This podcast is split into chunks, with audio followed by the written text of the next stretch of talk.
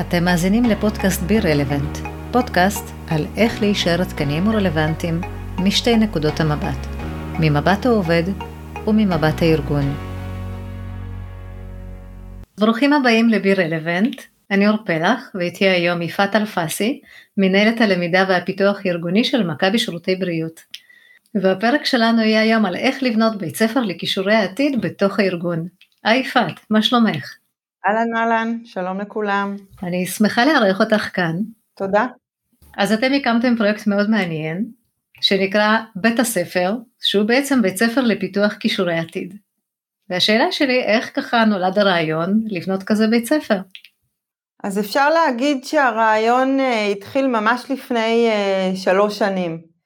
Uh, כשהסתכלנו החוצה והתחלנו לראות את המגמות שקורות בעולם ואת הכישורים שנדרשים היום, היה לנו ברור שאנחנו צריכים אה, להתחיל ולחשוב איך אנחנו מקנים את הכישורים האלה אה, לעובדי, מנהלי, מטפלי ורופאי מכבי, אה, ומשם יצאנו למעשה לדרך. אז התהליך הראשון היה חקירה של קודם כל להבין מה, מה זה בכלל כישורי העתיד, מה המשמעות שלהם, האם יש לנו אותם בארגון, אין לנו אותם בארגון, אה, ומהר מאוד אבל קרו כמה דברים. אחד, אה, אה, אנחנו תכננו להשיק את, את בית הספר לכישורי העתיד,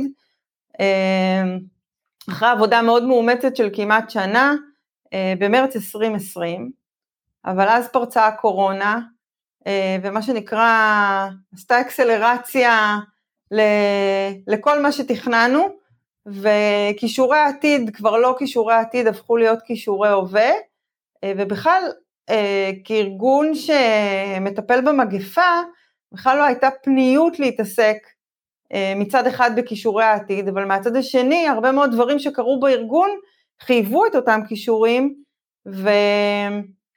ולמעשה מתוך רגע ההסתכלות למה שקורה, לעומס המאוד גדול שיש על הארגון, על המשימות החדשות שניצבות בפתחו של הארגון, אה, ועל העובדה שכולנו אה, לא יכולים להמשיך ולהתנהל כמו שהתנהלנו עד עכשיו, אלא אנחנו צריכים לעדכן את הגרסה של עצמנו, אנחנו חייבים לעשות איזשהו שינוי מאוד מאוד משמעותי בהתנהלות שלנו, מהמקום הזה התחילה להיבנות הגרסה הזאת של בטא, בטא מלשון גרסת בטא, אמ, שהרעיון שלה היא ליצור מעין אב טיפוס וכל פעם לעשות לו עדכון גרסה עוד פעם ועוד פעם ועוד פעם.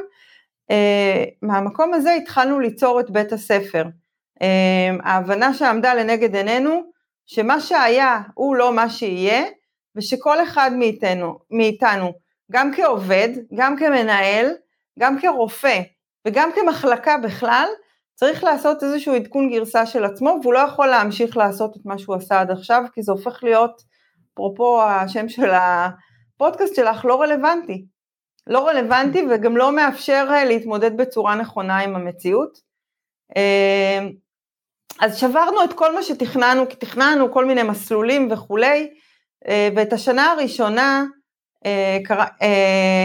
עשינו מעין intro skilling, שבו נתנו רגע לארגון לטעום טעימות של, אה, של כישורי העתיד.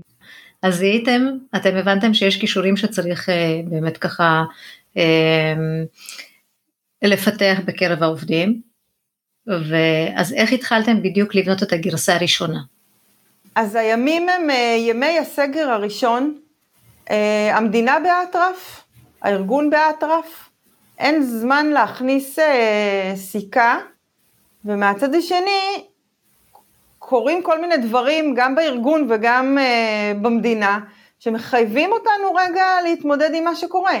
פתאום uh, עשרות ומאות של חולי קורונה, מכבי צריכה לה, uh, uh, להקים מערך של דוגמי קורונה, uh, מכבי צריכה להקים uh, uh, מתחמים לבדיקות קורונה, uh, צריך להכשיר כמויות מאוד מאוד גדולות של אנשים, uh, ולתוך זה אנחנו מתחילים אה, אנחנו מצד אחד לוקחים את המציאות, סתם בואו ניקח את הנושא של הקמת אה, מתחמים אה, לבדיקת קורונה, שיהיו מבודדים רגע מהמרפאות השוטפות ושלא יהיה מגע בין האנשים שבאים לבדיקה וכולי, אז אנחנו לוקחים ביום שיוצאת ההנחיה, בערב, אנחנו עושים סדנה לכל המנהלים שצריכים להקים את המתחמים, ואנחנו, מה שנקרא, דנים באתגרים שלהם, ולתוך האתגרים שלהם אנחנו מתחילים לשפוך את הלמידה.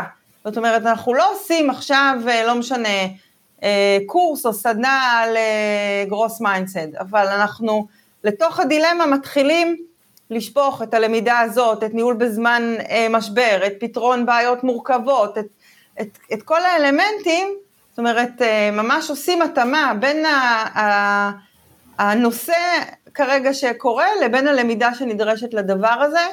אה, וגם אנחנו עושים התאמות רגע בשעות, אנחנו מבינים שהעובדים של מכבי לא יכולים להתמודד עם זה עכשיו בבוקר, כי כולם באטרף, בטח האוכלוסיות הרלוונטיות, אז אנחנו, אה, לצורך העניין, זה, אני ממש זוכרת את זה, זה, יצאנו עם זה יום לפני פסח, תחשבו, אה, פחות או יותר הקורונה פרצה ב-14-15 למרץ, ואנחנו בתחילת אפריל, אה, יום לפני ערב פסח עושים סדנה כזאת לכלל המנהלים של מכבי והשתתפו בה אה, כלל המנהלים שהקימו מתחמים, לא כלל המנהלים של מכבי, אה, ובאמת רובם השתתפו וגם היה הרבה מאוד דרך, כי נכנסו פה עוד אלמנטים שהם בסוף גם קשורים היום ללמידה העדכנית והרלוונטית, כל הנושא של למידה שיתופית ולמידה חברתית, זאת אומרת לקחנו דילמה ואתגר והתחלנו לדבר עליה אה, מכל מיני כיוונים, והם דנו על זה ביחד, אז כאילו אה,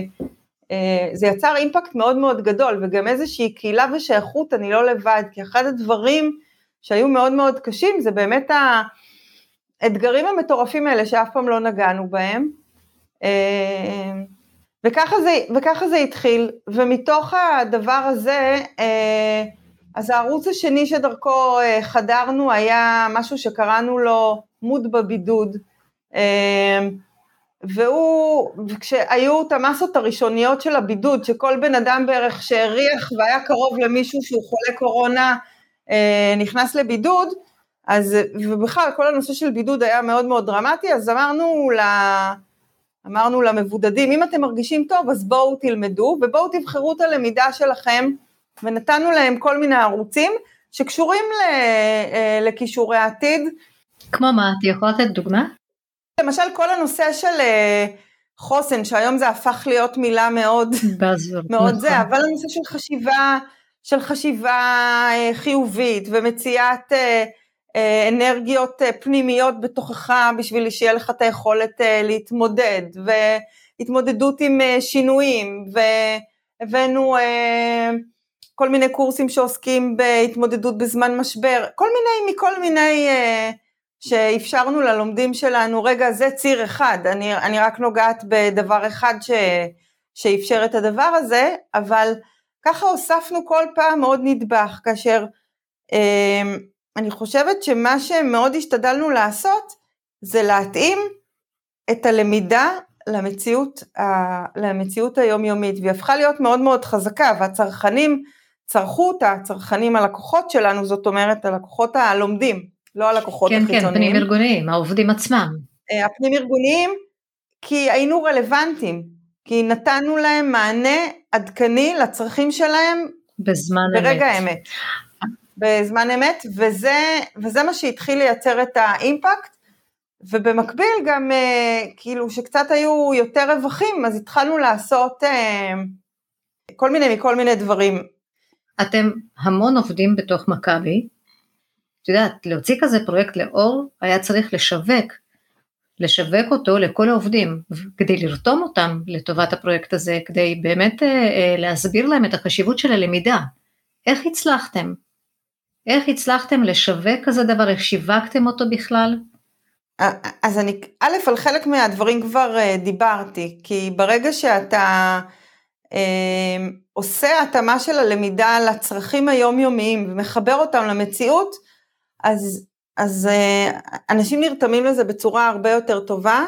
מעבר לכך, אני חושבת שהקורונה מאוד עזרה לנו, כי אנשים הבינו, אני חושבת שאם היינו חודשיים לפני יוצאים, היה לנו הרבה יותר קשה לשכנע את הלומדים, בואו רגע תלמדו כישורי עתיד. אנשים היום, טוב, נו, בסדר. העובדה שכל העולם התהפך והשינויים באו מכל הכיוונים והצדדים וכולם חשו שאין להם כבר את הכלים כדי להתמודד עם השינויים האלה שמסביבנו, אה, מאוד עזרה ודחפה אותנו. שלוש, אה, אפשר להגיד שעשינו סוג של אה, קמפיין פרסומי, זה, לא עשינו קמפיין פרסומי באמת, אבל כאילו היום בדיעבד כשאני מסתכלת על זה, שיווקנו ללומדים שלנו את ה... אני מה יוצא לי מזה. כאילו בואו רגע תבינו מה ה-ROI שלכם בתוך הסיפור ולמה אתם צריכים את זה, אה, ועבדנו על הנקודות האלה, אה, וזה גם מה שגרם לה, לעוד היבט שגרם לעובדים להירתם. הבנתי, והיו לכם, את יודעת, אחרי כבר כל הבלגן של הקורונה והכל, אני מניחה שאת יודעת, שטיפה דברים כבר נרגעו, בכל זאת כבר הוספתם עוד ועוד קורסים, עוד הכשרות. היו לכם, בטח הייתה לכם איזושהי רשימת מכולת של הקורסים כאלה, ואיזה תכנים, לאיזה תכנים היה הכי הרבה ביקוש? אני חושבת שזה פונקציה של, אה, של, אה, של תקופה. אני יכולה להגיד שממש בתוך הגל הראשון עשינו אה, סדנת מיינדפולנס באונליין, ואני אגיד שזה עוד היה מאוד פורץ דרך אז, כאילו היום זה כאילו מובן מאליו, אבל אז אנחנו בכל זאת מדברים לפני אה, שנתיים פלוס, נרשמו 330 עובדים. כאילו סדנת המיינדפולנס הראשונה לדעתי הייתה במאי, בדיוק לפני שלוש, לא, שנתיים. אנחנו שוב לא האמנו, לא האמנו למראה עינינו אה, שנרשמו כזאת כמות של אנשים, וזה רק הראה את הצורך ואת האי ודאות שהאנשים אה, היו. מהצד השני, אני אגיד שלפני אה, משהו כמו שלושה חודשים, ארבעה חודשים, יצאנו עם איזשהו מסלול של כישורי עתיד שאני אספר לך עליו בהמשך, אבל אפרופו ביקוש, פתחנו את המסלול, הוא עסק בכל הנושא של דאטה אה, אנליסט, כאילו ניתוח נתונים. תוך עשר דקות מהרישום, מהשליחת הזמנה, היו לנו 120 רשומים. אמ, אז כאילו זה פונקציה של, זה פונקציה של תקופות ו, ומתן מענה לצורך, וככל שאנחנו מדויקים, וככל שאנחנו, זה לא רק, זה לא רק דיוק, אלא זה גם דיוק ב, בכותרת של ה... בכותרת של מה שאתה מביא. אה, כי, לפעמים, כי לא תמיד הכותרת, אם הכותרת לא מספיק מדויקת, היא לא מספיק תביא כמויות כאלה של אנשים כמו שאני מתארת, אבל ברגע שהיא מדויקת, זה עף כמו מה שנקרא לחמניות חמות. אפרופו כישורי חיים, כבר זה גם לדעת לזקק את המסר ולהעביר אותו בצורה נכונה, בהחלט, אני מסכימה איתך. נכון לגמרי. אז רגע, זו הייתה גרסה ראשונה, ואחר כך יצאתם עם גרסה נוספת.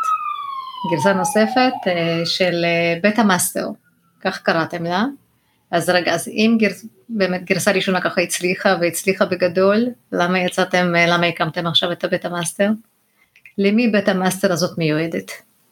אחרי שנה שבה הרצנו את כל מה שסיפרתי ובאמת עשינו, נגענו באלפים, אה, לדעתי נגענו במשהו כמו כמעט 4,000 כשהארגון אה, מונה 10,000 שכירים ועוד 6,500 עצמאים אז נגיד שברמת סדנאות נגענו במשהו כמו 4,000, אם אנחנו מסתכלים על פודקאסטים אז זה הרבה הרבה הרבה הרבה הרבה יותר, כי ברמת האזנות, אה, בתוך הדבר הזה יש לנו גם פודקאסטים.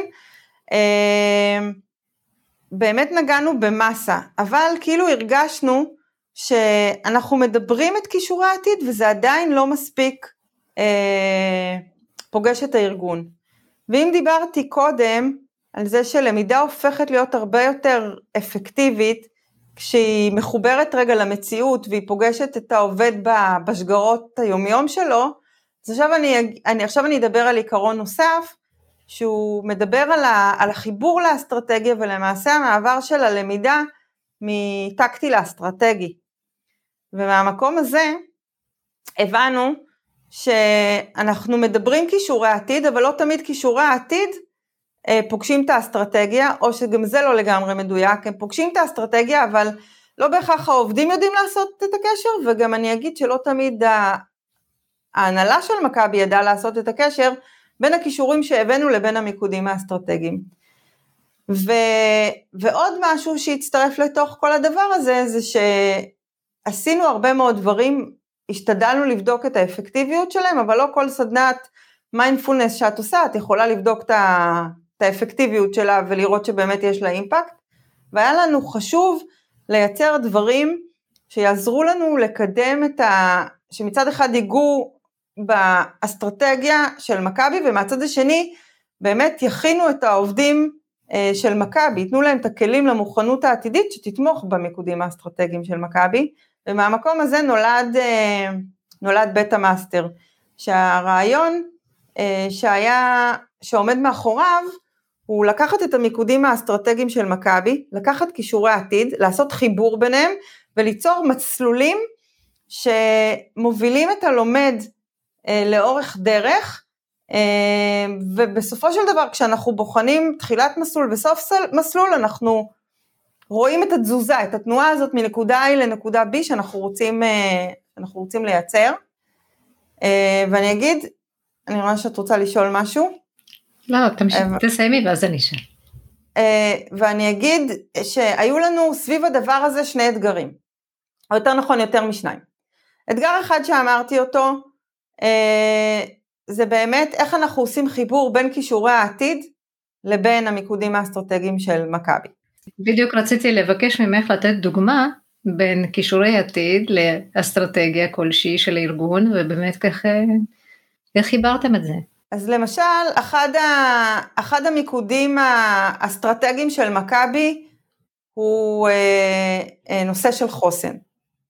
בסדר? ממש מכבי שמה כיעד אסטרטגי את נושא החוסן, יש תוכנית חוסן ענקית שמורכבת מהרבה מאוד רכיבים, אה, שאני לא אמנה אותם עכשיו כי הם פחות רלוונטיים, אבל בתוך התוכנית הזאת יש מסלול אה, שנקרא leading master. אה, המסלול הזה נבנה מתוך הבנה שלמנהל הישיר יש השפעה משמעותית בסופו של דבר על החוסן של העובד. אה, ושאם המנהל הישיר יהיה לו את הכלים הנדרשים והרלוונטיים לניהול נכון של העובד, הוא גם יפתח את החוסן והתמקדנו בשני, והתמקדנו בשני היבטים. היבט אחד, עכשיו הם לא היבטים חדשים, אבל הם היבטים שהם לגמרי תומכים היום במה שנקרא אה, כישורי עתיד הווה. אה, אחד זה המנהל כמנטור, או בכלל המנהל כמפתח, כאחראי על ההתפתחות אה, של העובד ועל ההסתכלות הכוללנית שצריך רגע להסתכל על מי הוא העובד, להתאים לו רגע את המקומות שבהם הוא צריך לגדול ולבנות לו סביבה מסביב.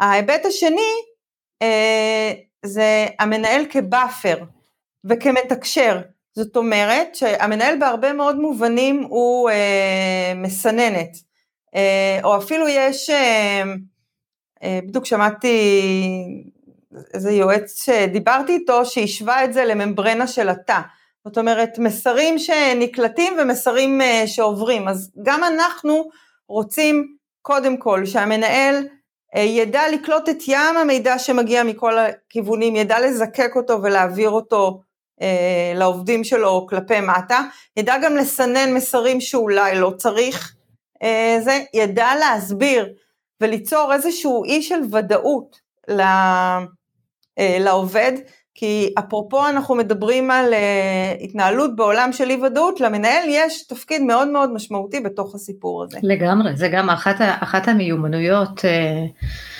שככה מככבת, זה באמת לידרשיפ, זה הכל, uh, זה, זה ניהול שונה לגמרי, זה כבר לא ניהול של אני המנהל שיודע הכל, אלא ניהול מנהיגותי, השראתי, לגמרי. אז, אה, אז, אז זאת למשל אה, דוגמה, מסלול נוסף אה, שעשינו היה עוד פעם מתוך העלייה של כל הנושא הזה של big data ושל ניתוח נתונים, אז עשינו מסלול שאותו הובלנו כבר כמה וכמה פעמים, מסלול שנקרא data master. כל הנושא של מצוינות תפעולית ולמעשה השילוב הזה בין ניהול משימות לבין ניהול אנשים, ומכבי מאוד מאוד חזקה בניהול, מה שנקרא בהגעה ליעדים, משימות, הישגים, מטרות, ליצור את התמיל הנכון הזה ורגע להסתכל על התמונה הכוללת. בקיצור, יש לא מעט, יש לא מעט מסלולים. אבל אמרתי שהאתגרים שלנו היה, אחד, החיבור לאסטרטגיה, ונתתי רגע דוגמאות לכל מיני שכאלה. Uh, הדבר השני היה באמת ליצור אימפקט, uh, כאילו שיהיה אפקטיביות. לבחון איך אנחנו מניעים בן אדם מנקודה A לנקודה B ויוצרים באמת, לא סתם ברמת ה... כי אפשר, אפשר לעשות אין ספור תוכניות ואפשר עם כותרות מפוצצות, שאלה אם הן באמת מייצרות את האפקט שאנחנו רוצים. הדבר השלישי היה זה שהיינו בתוך אה, שיא הקורונה אה, והיינו חייבים ליצור אה, מסלולים שהם מסלולים דיגיטליים וזה אפרופו האפקטיביות שדיברתי עליה קודם זה מאוד מאוד קשה לייצר אפקטיביות במסלול דיגיטלי אה, כאילו יש פה אתגרים. כן, לא כל אחד יודע ללמוד גם בצורה עצמאית. נכון, ואני כבר אגע באיך עשינו את זה, אבל אני אגיד שהדבר הנוסף בתוך הסיפור הזה, אה, זה לא רק למידה דיגיטלית, זה ללמידה דיגיטלית המונית. כי בסוף זה יופי לייצר עכשיו סדנה ל-20 איש, אה, והיא סביר להניח גם תהיה טובה. האתגר הוא לגעת במסה של אנשים, כי הארגון הוא ענקי. אם אני עכשיו נגעתי ב-20 זה טיפה בים. אז איך אני נוגעת ביותר? אז עשינו מסלולים של 100 ו-120 לומדים בבת אחת, ובנינו אותם. אה, אני גם יכולה להגיד שאפרופו אפקטיביות, אה, אה, בדקנו אותם בדרכים, בדרכים שונות כדי לראות שאנחנו באמת מצליחים לייצר את האימפקט שאנחנו רוצים, ובסך הכללי גם, גם ההיבט הזה אנחנו מאוד מאוד מרוצים.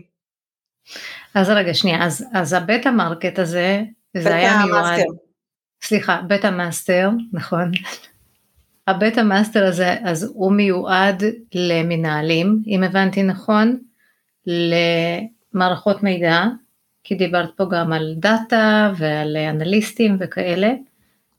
אז אני אגיד, אני אגיד שהוא מיועד גם וגם, אנחנו כן אה, בתעדוף שלנו הלכנו קודם על, אה, על מנהלים, אבל למשל את data אה, master, אז את הפעם הראשונה העברנו דווקא למנהלים כאשר לא רצינו להפוך אותם בהכרח להיות data אנליסטים, אלא רצינו אה, לתת להם כלים שהם ידעו אה, לכרות נתונים מהמילה כרייה.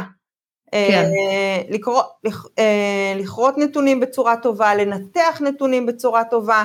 אה, נתנו להם למשל אה, סדנאות של אה, ויזואליזציה של נתונים ו data story של נתונים, שכאילו יהיה להם את הכלים בשביל להתמודד עם זה בצורה נכונה. אה, מסלול נוסף של זה העברנו אה, רק לעובדים. שוב, לא ממקום של עכשיו ומחר בבוקר הם הופכים להיות data אנליסטים, אלא ממקום של באמת לתת להם כלים להתמודדות היומיומית שלהם. אה, וההיבט השלישי זה לקחנו דאטה אנליסטים בעצמם וגם להם עשינו הכשרה מעמיקה יותר במקומות שזיהינו ששם אזורי הפיתוח שלהם, זאת אומרת דווקא במקומות היותר אה, חלשים שלהם, אז כאילו mm-hmm. יש פה הרבה מאוד גם upskilling, אפרופו רגע אה, לדבר את השפה, מכל מיני כיוונים. כן, ממש שדרגתם אותם בהרבה מאוד כישורים, לפי הצורך כמו שאמרת. נכון. אז זאת הייתה הגרסה השנייה, והגרסה השלישית שיצאה היא נקראת בית המרקט. אז היא לא כל כך גרסה שלישית, היא כאילו גרסה שלמעשה אה, הגרסה הראשונית, האב טיפוס שלה עוד התחיל ממש בתחילת הקורונה, שהרעיון היה, אנחנו רוצים רגע להנגיש כלים וכל מיני סוגים של סדנאות, וובינארים וזה ללומדים. אה, אז התחלנו איתה ממש בתחילת הקורונה והיא הלכה והשתכללה. עד שגיבשנו את הקונספט שיש היום, הרעיון הוא אנחנו קוראים לו Beta Market, כי אנחנו אומרים זה שוק של ידע. בתוך השוק של ידע הזה אנחנו בוחרים כל פעם כישור עתיד, וכישור עתיד הווה, עוד פעם, זה כבר מילה לא רלוונטית כישור עתיד, אה, ואנחנו מציעים ללומדים שלנו, זה יכול להיות סדנה, זה יכול להיות וובינר, זה יכול להיות פודקאסט, זה יכול להיות הרצאה, זה יכול להיות סרטון, זה יכול להיות, אנחנו מציעים ללומדים שלנו אה, מגוון מאוד רחב של צורות למידה, אבל שהן כולן עוסקות באותו נושא. אם למשל לקחנו פתרון בעיות מורכבות, אז אנחנו נציע את כל המנעד הזה, וניתן ללומדים לבחור את מה שנכון, אה, את מה שנכון להם. זאת אומרת שזה לא רק קורסים דיגיטליים, אלה גם יכולים להיות אה, קורסים אה, פרונטליים או סדנאות כאלה, ואת דיברת על הרצאות, סדנאות, נכון? נכון. זה התחיל כדיגיטלי מלא, כי לא הייתה לנו ברירה, זאת הייתה הקורונה, כאשר צריך להבין שעשינו פה עבודה מטורפת של התאמה של התכנים לדיגיטל כדי שהם יהיו אפקטיביים. אחד הדברים שאנחנו מאוד מאוד מנסים לעשות זה לא רק לתת, כי רק לתת יש, יהיה אין סוף של מידע. Uh, הרעיון הוא uh, לתת ושזה באמת יפגוש את הצורך של הלומד ויהיה לו אפקטיבי, ועל זה אנחנו כל הזמן, בטח בשנה האחרונה, מאוד מאוד מאוד מאוד שמים דגש. מעניין. אז איך את היית ממליצה לארגונים אחרים שחושבים ככה עכשיו להתחיל לבנות כזה פרויקט? זאת אומרת להתחיל לבנות קורסים, אם זה קורסים דיגיטליים, או להביא כל מיני הרצאות וסדנאות כדי להכניס את זה כשגרת יומיום, ופשוט לתת הרבה יותר ערך לעובדים שלהם, כדי באמת, הזכרת פה מילה upskilling, לשדרג אותם בכישורים שלא כבר, אלה כבר לא כישורי העתיד, אלא כישורים הנוכחיים. נכון, אז איך היית ממליצה לארגון להתחיל עם הפרויקט הזה, להיכנס לפרויקט כזה, לבנות אותו? אני חושבת שארגון שרוצה להיכנס, שלא הביא סתם סדנאות וקורסים ולא יודעת מה, כי זה, זה נייס, וגם אני בהתחלה זה מה שעשיתי, והתלהבתי, אבל בסוף הלמידה הכי אפקטיבית זאת הלמידה שפוגשת את העובד בצורך שלו. אה, אה, ובשביל זה צריך לעשות קצת חקר, וקצת הרבה הקשבה רגע למה שבאמת הארגון רוצה וצריך, ומהמקום הזה לבנות את הדברים. זה צריך להיות הבסיס שעליו בונים את הבניין. אה, וברגע שאתה נמצא קשוב, אז, ואתה מחבר לצורך, אז הרבה יותר אנשים אה, נכנסים, לומדים, מתעניינים, מסתקרנים, נוגעים, תואמים, זה פשוט ככה. וכשהבאנו, לא יודעת, היינו יכולים להביא את ההרצאה הכי מרתקת שיש בשוק, ואם לא עשינו מספיק חיבורים, לא נכנסו מספיק אנשים, וזה היה מבאס אותנו. היה פה גם לא מעט ניסוי וטעייה, זה לא תמיד הכל דבש, אבל אה, אם אני רגע אסכם, אה, אסכם בכותרת, בלי לשים לב, עשינו למידה מותאמת אישית. אה, אני אתן לך, אני אתן לך דוגמה. שבוע שעבר אה, הייתה הודעה אה, ב, בעיתונות, ברדיו, על, על זה שיש וירוס נוסף שנקרא אבבואות הקוף. עכשיו אנחנו, אה, שבוע שעבר, יצאנו, אה, יש לנו פלטפורמה אה, שנקראת הרצאה בפיג'מה, שהיא אה, הרצאה עם דיון היא מיועדת בעיקר לרופאים, אבל יכולים להיכנס גורמים נוספים. אז הידיעה רק הייתה, אנחנו כבר עלינו ל... אה, להרצאה כזאתי, אני לא זוכרת אם ביום רביעי או ביום חמישי, לא כזה רלוונטי, אבל בואי נגיד תוך מספר ימים, כאשר הבאנו את הזיהומולוגית הבכירה של מכבי, היא נתנה הרצאה על בבואות הקוף, תחשבי רופאים שפתאום נתקלים בזה, צריכים ללמוד על המחלה, צריכים להבין את התסמינים, את ההבחנות, מה קשור למה, מה, כל מיני היבטים אה, שאני לא רופאה אז אני לא נכנסת אליהם, אבל אה, אנחנו פוגשים אותם בצורך, ואז ברגע שאנחנו פוגשים אותם בצורך, הם אוטומטית בעשרות נרשמו להרצאה הזאת מהרגע להרגע, כי, כי נתנו להם מענה, ואז יש להם גם מקום לשאול שאלות, מישהי בכירה שמכירה בזה, ואחר כך יש להם את ההרצאה הזאת מוקלטת, הם יכולים להקשיב לה. אנחנו דרך אגב גם עושים סיכום של ההרצאה לרופאים נגיד שלא היו כעזר למידה, והכל נמצא בתוך סביבת למידה מסודרת, שרק על זה אפשר לעשות אה, דיון נפרד. זה לתת מענה לצרכים של הלומד. אז לא צריך עכשיו לעשות את זה בהכל, מספיק שאתה עושה את זה בחלק מהדברים. יש פה הרבה אימפקט, בטח, כי יש פה שיתופיות, שיתוף ידע, כן. שזה אחד הדברים החשובים. אה, לגמרי, ואת נגעת בזה קודם, את דיברת על, את דיברת על זה, ש... על ההשטחה, דיברת על זה בהקשר של הניהול, שבסוף הידע לא נמצא אצל המנהיג, אז היום גם הידע לא נמצא במחלקת למידה ופיתוח ארגוני, הוא נמצא בשטח, וחלק גדול מהתפקיד שלנו זה לאצור מלשון נוצרות את הידע הזה, ולא עכשיו לייצר בהכרח רק דברים חדשים, אלא לדעת באמת לאגד אותו ו- ולהנגיש אותו. זאת אומרת, אלה שתי המיומנויות שאפרופו כישורי העתיד, שאנחנו עובדים עליהם רגע כמי שמוביל את הלמידה והפיתוח ארגוני במכבי. זה איך אנחנו עוצרים את הידע הזה ומה הפלטפורמות שיש לנו כדי לאצור אותם, איך אנחנו בסוף מנגישים אותם לעובדים, ככה שהם יוכלו להשתמש בזה בכל מקום, זמן ודרך שהם יוכלו. וברור לי שאני יכולה להמשיך לדבר. ברור לי. זה נושא מרתק, זה גם לא... כן. גם משאירים את הידע בתוך הארגון, שזה אחד הדברים החשובים.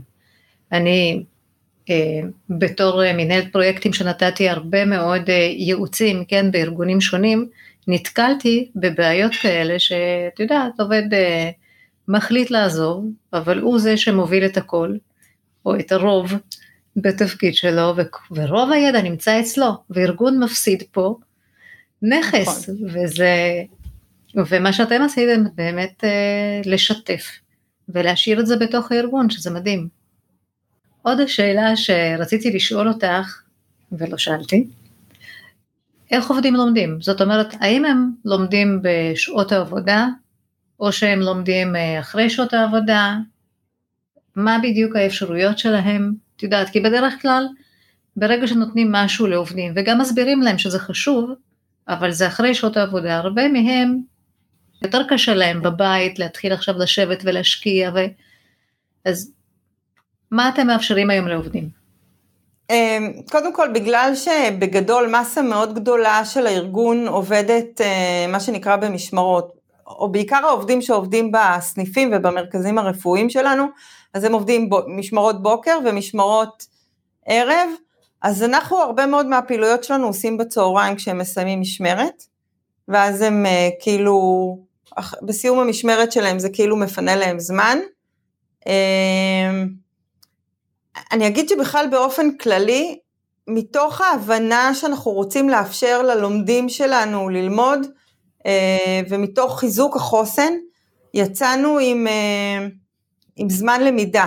אנחנו למעשה מקצים זמן ללמידה, גם בבית וגם, אה, וגם בעבודה, כמובן בתיאום רגע מול, ה, מול המנהל, ואז העובד יכול לבחור האם הוא עושה את זה בזמן העבודה, או האם הוא עושה את זה אה, בשעות הערב מהבית, או האם הוא עושה את זה בעבודה, בעבודה שלו מהבית. אני אגיד שכארגון, אה, מלבד שני סקטורים, אה, מכבי עשתה עבודה מאוד מאוד גדולה, ולמעשה אה, כל העובדים יכולים לעבוד מהבית יום אחד בשבוע, מלבד שני סקטורים שזה מעבדה ודימות, שעדיין לא מצאנו איך לפצח את העבודה מהבית הזאת, ובמסגרת העבודה מהבית אנחנו מאפשרים לעשות גם, את ה, גם לעשות את הלמידה. ואפרופו הזכרת את הלמידה הזאת, אז באמת בפרק 22 בפודקאסט אני אירחתי את אורן גינת שדיבר על תרבות הלמידה.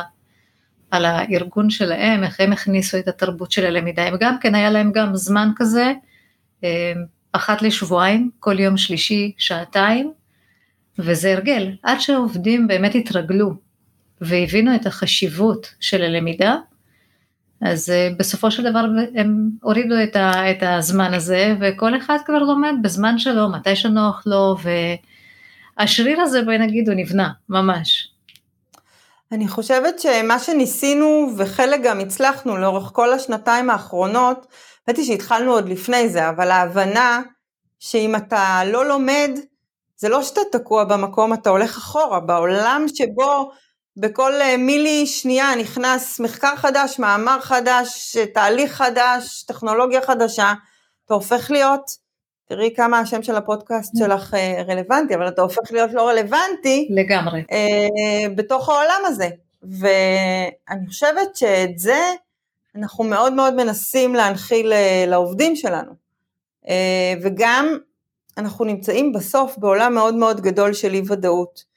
וכשאנחנו למעשה עובדים, כשאנחנו נותנים לעובדים כלים להתמודד רגע עם האי ודאות, לא משנה כרגע אם זה פיתוח מקצועי כזה או אחר, אפרופו אבבואות הקוף, או אם זה מיומנות שהיא ככה יותר, אה, אני יודעת מה, כמו גמישות מחשבתית, היא עדיין, או מיינדפולנס, היא עדיין אה, אה, עוזרת לעובד לפתח את החוסן שלו ולמעשה להתמודד עם, עם המציאות בצורה טובה יותר ונכונה יותר, וההשפעות של זה הן כל כך רחבות שאני אפילו לא יכולה למנות אותן עכשיו, אני יכולה לנסות, אבל יש לזה אימפקט מהרבה מאוד כיוונים. מדהים, מעניין, באמת, כל הכבוד לכם על הפרויקט המבורך.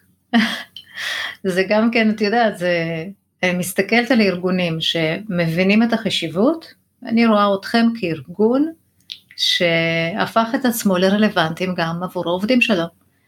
אני אגיד, אני אגיד אולי, אני אגיד אולי מילה לסיכום. אני חושבת שהנושא של התפתחות אישית ומקצועית, שלמידה נמצאת בתוכו והוא חלק מאוד מאוד משמעותי, הוא אחת הסיבות המרכזיות היום לעזיבה של עובדים, אפרופו העזיבה הגדולה שמדברים עליה כל הזמן, אמ, ויש, ו, ואפרופו רגע החיבור לאסטרטגיה ובכלל המעבר מטקטי לאסטרטגי, זאת ההבנה שאם אנחנו כגוף בתוך מכבי לא נתמוך בהיבט הזה, לא ניתן לעובדים שלנו את הכלים אה, הנדרשים להם לצורך אה, למידה והתפתחות אישית ומקצועית, אה, העובדים לא יישארו איתנו. נכון. העובדים זה מה שהם מחפשים. ו, ולא, זה פחות היה בתודעה שלנו כשהתחלנו את כל הסיפור הזה, אבל זה מתחבר בצורה מאוד מאוד חזקה. כן. אז אם הייתי צריכה ככה לסכם את כל מה שדיברנו בגדול, ולעזור באמת לעוד ארגונים שרוצים ככה להיכנס לכזה פרויקט, אז קודם כל הם צריכים להבין את הצורך שמגיע מתוך העובדים, מהעובדים עצמם. נכון. ולהבין את הצורך הארגוני גם, כמובן, ובסופו של דבר לחבר את זה לאסטרטגיה הארגונית. לגמרי. מעולה. אז uh, אני מאוד נהניתי. גם אני. ואני בטוחה שהרבה ארגונים uh, יתחילו ככה לחשוב באמת איך הם יכולים להכניס למידה כזאת גם אליהם.